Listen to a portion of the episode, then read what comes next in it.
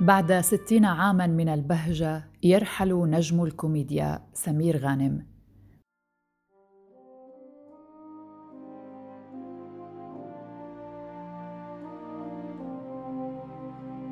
أهلا بكم في حلقة جديدة من بودكاست في عشرين دقيقة معكم براء صليبي سيكون ضيوفنا في هذه الحلقة المخرج المصري أمير رمسيس الناقد المصري محمد نبيل وعلي الخولي خريج أكاديمية بدر خان إخراج وسيناريو. رحل الفنان المصري سمير غانم يوم الخميس 20 مايو أيار 2021 في مستشفى بالقاهرة حيث نقل وزوجته الممثلة دلال عبد العزيز قبل نحو ثلاثة أسابيع بعد تدهور حالتهما الصحية جراء الإصابة بفيروس كورونا. وقد تداولت العديد من وسائل الإعلام المصرية إخفاء خبر وفاة شريك عمرها عنها داعين لها بالشفاء العاجل من فيروس كورونا فيما ودون انتظار تصريح رسمي نقلت بعض وسائل الإعلام الأخرى أن الحالة الصحية للفنانة المصرية دلال عبد العزيز المصابة بكورونا تدهورت بعد إبلاغها بوفاة زوجها. وعمت حالة من الحزن في الوسط الفني المصري والعربي لرحيل سمير غانم. نذكر منهم الفنان عادل إمام الذي نعى الراحل بصورتين نشرهما عبر حساباته الرسمية على مواقع التواصل التواصل الاجتماعي. الأولى تعود لأيام الشباب بالأبيض والأسود والثانية من كواليس المشهد الأخير الذي جمع بينهما في مسلسل عوالم خفية سنة 2018 وعلق على الصورتين مودعا زميله مؤكدا أنه سيفتقده. كما نعاه أيضا الفنان محمد صبحي وقال صبحي خلال مداخلة هاتفية مع الإعلامي سيد علي في برنامج حضرة المواطن إنك إذا أردت أن تعرف سمير غانم كإنسان انظر إلى أسرته وتابع بأن سمير غانم يكاد يكون الفنان الوحيد في الوسط الفني الوحيد وتحتها عشرين ألف خط. كما قال لم تكن هناك مشكلة بينه وبين أي زميل آخر. وأكد متحديا أنك لن تسمع أن سمير غانم ممكن أن يكون على خلاف مع أحد وأردف بأنه كان رجلا بسيطا ويحب الفن من أجل الضحك. في حلقتنا اليوم سنتوقف مع الناقد المصري محمد نبيل ليخبرنا عن حجم الخسارة برحيل سمير غانم عن عالمنا. خسارة كبيرة للفن المصري والعربي رحيل واحد من أساطير الضحك. على مدار أكتر من خمسين سنة قدر إنه يترك بصمة كبيرة في الشارع المصري والعربي بشكل عام ويقدم أعمال لسه لغاية دلوقتي بنحتفي بيها ويمكن تابعنا ده على مدار الأيام اللي فاتت خصوصا على مواقع التواصل الاجتماعي وتأثير الأعمال دي وشخصياته على أجيال بعد كده يمكن حتى ما عصرتش الفترة اللي تم إنتاجها فيها. آه، على مستوى الإنساني آه، كان شخص آه، ودود محترم متواضع ما بيحاول إنه ما يكونش موجود في مكان إلا والضحكة دايما بتلازمه. ما سمعناش عن مشاكل عملها مع حد ما سمعناش عن أزمات دخل فيها. آه، ما كانش عنده الحقيقة غير عيلته وفنه. آه، علاقته كانت طيبة بزملائه وكان دايما ما بيتدخلش في الموضوعات اللي مش مش مطلوب منه إنه يتدخل فيها. آه، كل ظهور تلفزيوني ليه كان بيضفي بسمة وكان شخص متصالح جدا مع نفسه بيعني ويقدر قيمة الضحك. دايما كان بيصرح إنه مش مطلوب من الكوميديانات إنه يقدموا أكتر من الضحك. ويمكن دي تصريحات جريئة حتى بعض الكوميديانات ما يقدروش إنه آه، يدلوا بيها لإنه دايما الرسالة هي اللي بتكون الهدف إنما هو كان شايف إنه الضحك في حد ذاته هو الرسالة وهو الهدف. ولو قدر يوصل له يعني هو ملك المشاهد وملك الجمهور وما كانش عنده أي فلسفة في إنه يحمل الأمور أكتر من ما تستحق شفت الحيلي وينهار والحب قال يا حلو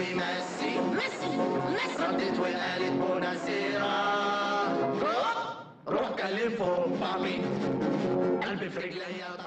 لا يمكن الحديث عن الفنان المصري سمير غانم دون ذكر مرحلة مهمة من حياته شكلت بداية لامعة في مسيرته الفنية وهي عمله مع فرقة ثلاثي أضواء المسرح والتي نستمع إلى أحد أعمالها. وهي من أشهر الفرق الاستعراضية الفنية في مصر. ظهرت في بداية ستينيات القرن العشرين في إحدى المسابقات الجامعية على كأس الجامعات للتمثيل. حين التقى الثلاثي الضيف أحمد الذي كان طالبا يرأس فريق طلبة جامعة القاهرة وجورج سيدهم وكان يرأس فريق جامعة عين شمس وسمير غانم الذي كان رئيس فرقة جامعة الإسكندرية. واتفق الثلاثي على تكوين فرقة للتمثيل الكوميدي الهادف. وبعدما شاهدهم المخرج المصري محمد سالم تبنى فكرتهم ودعمهم وقدمهم للمرة الأولى في سكتش دكتور الحقني المغصي جوا بطني. فاتفق الثلاثي على فكرة جديدة لأشهر فوازير على مستوى العالم العربي باسم وحوي يا وحوي من إخراج محمد سالم.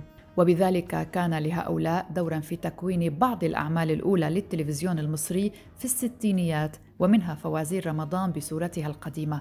بذلك أيضا يكون قد شكل كل من الفنانين جورج سيدهم والفنان سمير غانم والفنان الضيف أحمد فرقة فنية عرفت باسم ثلاثي أضواء المسرح اكتسبت شعبية كبيرة بتقديمها عددا من الأعمال الفنية في السينما والمسرح والإذاعة والتلفزيون طوال سنوات الستينيات. ضيفنا علي الخولي سيحكي لنا عن سمير غانم وعن فرقة ثلاثي أضواء المسرح وعن تفاصيل أخرى. عظمة سمير غانم الحقيقية هو انتهاء المفهوم الكوميديا من أجل الكوميديا والضحك من أجل الضحك. ما كانش بيحمل الضحك أي مسائل أخرى ما كانش بيحمله أي رسائل أخرى. وكان شايف إن الضحك في حد ذاته رسالة سامية لا تحتمل اللي هي يتحط معاها رسائل أخرى أو كان شايف إن مش من الضروري إن الضحك يحمل مفهوم اجتماعي أو مفهوم سياسي أو مفهوم إنساني. سمير غانم جزء مهم جدا من الفن المصري خلال الخمسين سنة اللي فاتت. آه، جزء متطور جزء كبير ومتطور من من فكرة الفن المصري في الأيام اللي فاتت في الخمسين سنة اللي فاتت. لما هنيجي نتكلم عن سمير غانم في البدايات ونشوف تطوره أصلا من أول فكرة ثلاثي أضواء المسرح وده كان واحد من أشهر الثلاثيات اللي كانت موجودة في تاريخ المسرح قامة أو الفن المصري في العموم. لحد انفصاله على الثلاثي وتكوينه لفرقته وبداياته. هنبص نلاقي إن هو كان إنسان مخلص لفكرة المنجوليزم في الأول ودي الفرقة اللي أسسها عبد المنعم مدبولي وكانت قايمة على دراما الحركة والإفيه طورها هو وانتمى إليها وبدأ يعمل دراما الحركة والإفيه والإكسسوار والإكسسوار كان جزء مهم جدا من كوميديا سمير غانم وصناعة كوميديا سمير غانم.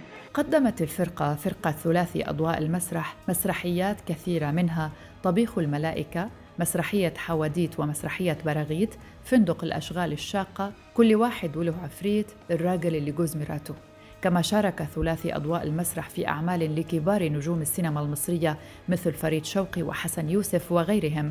ونذكر مجمل أعمالهم في السينما. منتهى الفرح القاهرة في الليل الشقيقان رحلة السعادة يوم في السجن شاطئ المرح. واشتهرت من هذا الفيلم أغنية جمبري مشوي شنطة حمزة شباب مجنون جدا الزواج على الطريقة الحديثة حلوة وشقية حكاية ثلاث بنات أفراح أيضا نذكر نشال رغم أنفه العميل 77 الحرامي المجانين الثلاثة فرقة المرح لسنا ملائكة وواحد في المليون.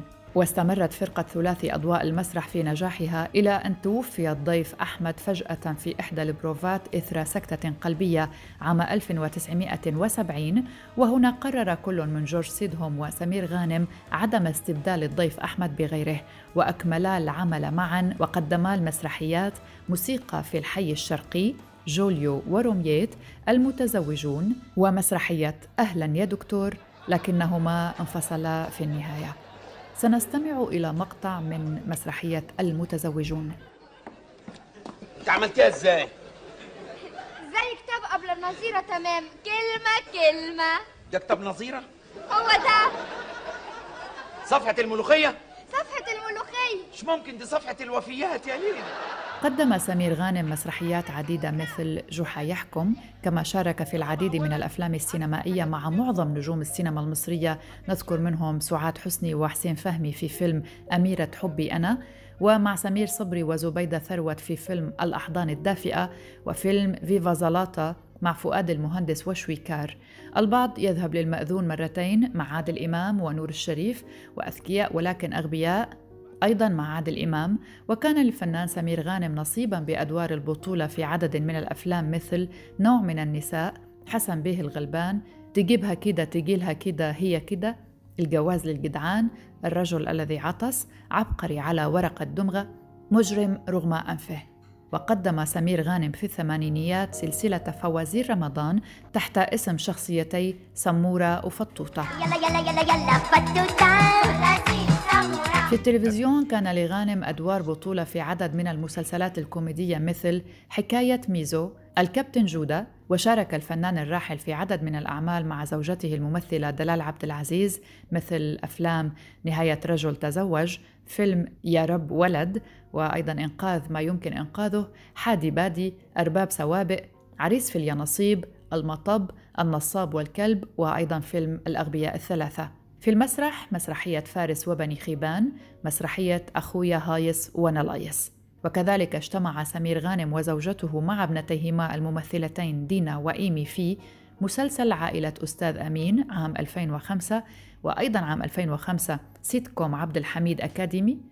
والكبير قوي الجزء الثالث كانوا ضيوف شرف ولهفة مع دنيا سمير غانم عام 2015 نيلي والشريهان مع إيمي ودنيا 2016 وبدل الحدوتة ثلاثة مع دنيا عام 2019 أما عن حياة سمير غانم فقد ولد سمير يوسف غانم في يناير كانون الثاني عام 1937 بمحافظة أسيوط والتحق بعد الدراسة الثانوية بكلية الشرطة لكنه تركها بعد رسوبه سنتين متتاليتين فنقل أوراقه إلى كلية الزراعة في جامعة الإسكندرية وانضم فيها أيضا لفريق التمثيل المسرحي وتعرف من خلالها على جورج سيدهم الذي سبقه في دخول الكلية بعام واحد كما تعرف على وحيد سيف وعادل نصيف وشكلوا فرقة سكتشات غنائية تقدم عروضا على المسرح في مدينة الإسكندرية لكن الفرقة لم تستمر.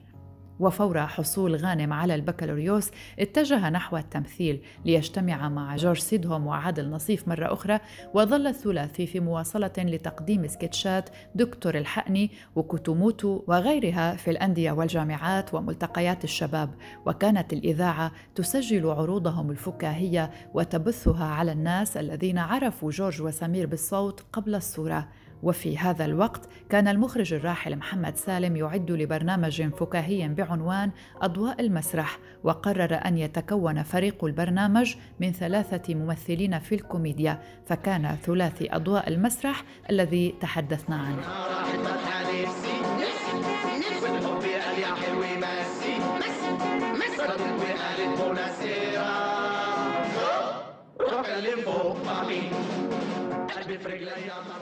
لم تكن تجربة سمير غانم الإنسانية مقتصرة على جيله وفترة النجومية المطلقة التي عاشها في أعماله مع عمالقة السينما والمسرح والتلفزيون وإنما كان كريما حتى على جيل الشباب من الممثلين والمخرجين. هذه مشاركة من المخرج المصري أمير رمسيس يتحدث فيها عن سمير غانم وعن مشاركته كضيف شرف في فيلم ورقة شفرة الفيلم الذي كان من إخراج ضيفنا أمير رمسيس ومن تأليف أحمد فهمي وهشام ماجد. الحقيقة يمكن ما كانش عندي حظ إن أنا أشتغل مع الفنان الراحل سمير غانم باستثناء في تجربة واحدة قصيرة المدى جدا لما قبل إن هو يظهر كضيف شرف في نهاية فيلمي الروائي التالت ورقة شفرة. الحقيقة اللي كان حدث مهم جدا ومبهج جدا بالنسبة لنا وفريق العمل كله. كنت أنا وأبطال الفيلم التلاتة هشام ماجد شيكو أحمد فهمي كلنا حابين جدا المشاركة دي. كلنا بشكل ما كان سمير غانم أحد أبطال طفولتنا. كلنا كنا متحمسين وعلى أطراف أصابعنا يوم ما جه التصوير. واللي فاكره الحقيقة إنه طلب إن إحنا نسيب له مساحة للارتجال في المشهد لأنه ما بيحبش يلتزم بالحوار المكتوب. والحقيقة طبعا لم نتردد لحظة في ده لأنه كان يعني ده جزء من موهبته وجزء من عظمة سمير غانم وقدرته على إيجاد أفكار للضحك.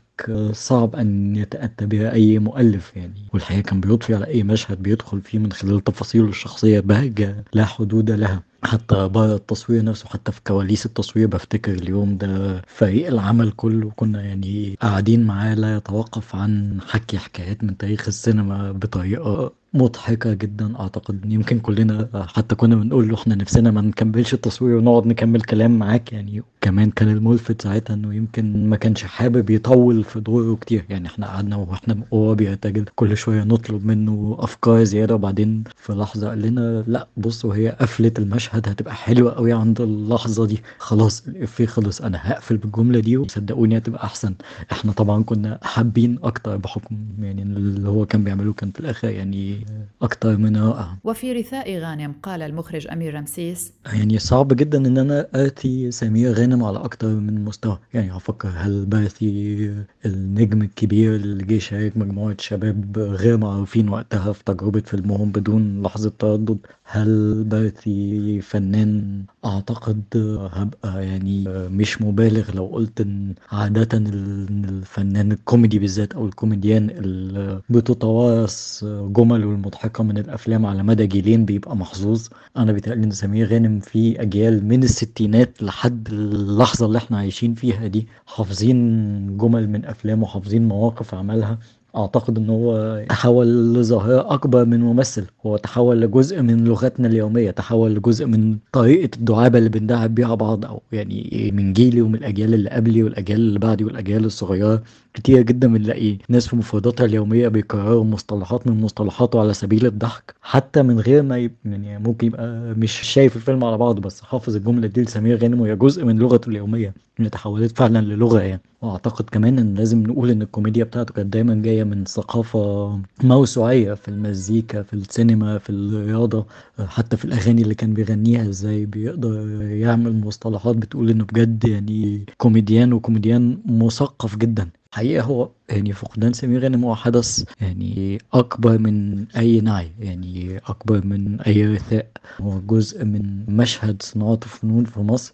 وإن الصناعة دي نفسها في مصر والعالم العربي يعني بتتغير برحيله عننا يعني. ذكر ضيوفنا ويمكن القول أنهم أجمعوا على كون سمير غانم في حياته التزم الحياد غالبا وحتى في أعماله.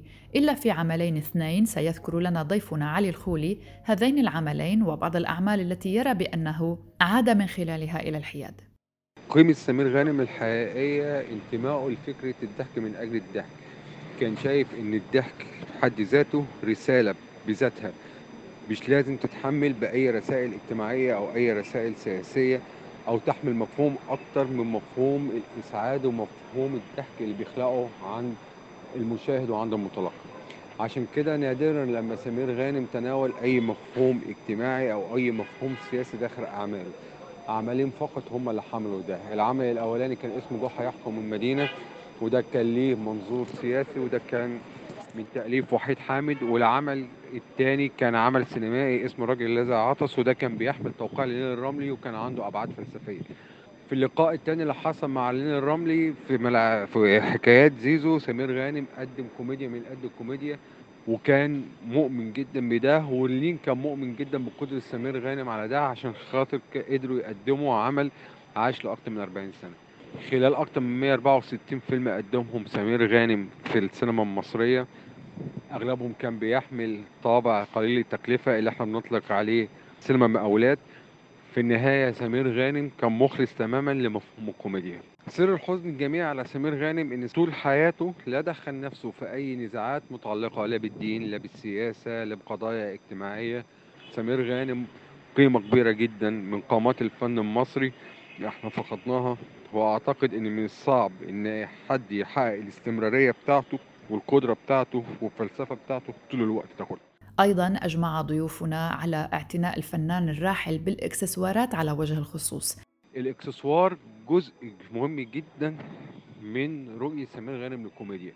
سمير غانم في النهاية أعظم فرسير جه في تاريخ المسرح المصري هو الوحيد اللي قادر على ارتجال لمدة 10 إلى 15 دقيقة كاملة على المسرح ينتزع فيها الضحكات دون التأثير على عنصر النص ذات نفسه. كمان الاكسسوارات موجودة في دراما سمير غانم وفي كوميديا سمير غانم بشكل واضح وصريح. المزمار الباروكة الشنب. هذه كانت حلقة من بودكاست في عشرين دقيقة. شاركتني في الإعداد الصديقة والزميلة الصحفية يالا فهد وكنت معكم براء صليبي إلى اللقاء. ما إحنا كلنا بنتولد عشان نموت. هي دي الحقيقة يا ابني. ما تهربش منها. الدنيا حلوة وعجيبة قوي. وتستاهل تستاهل إنك تعيشها. اضحك. اوعى تيأس. لو زعلت إياك تعيط.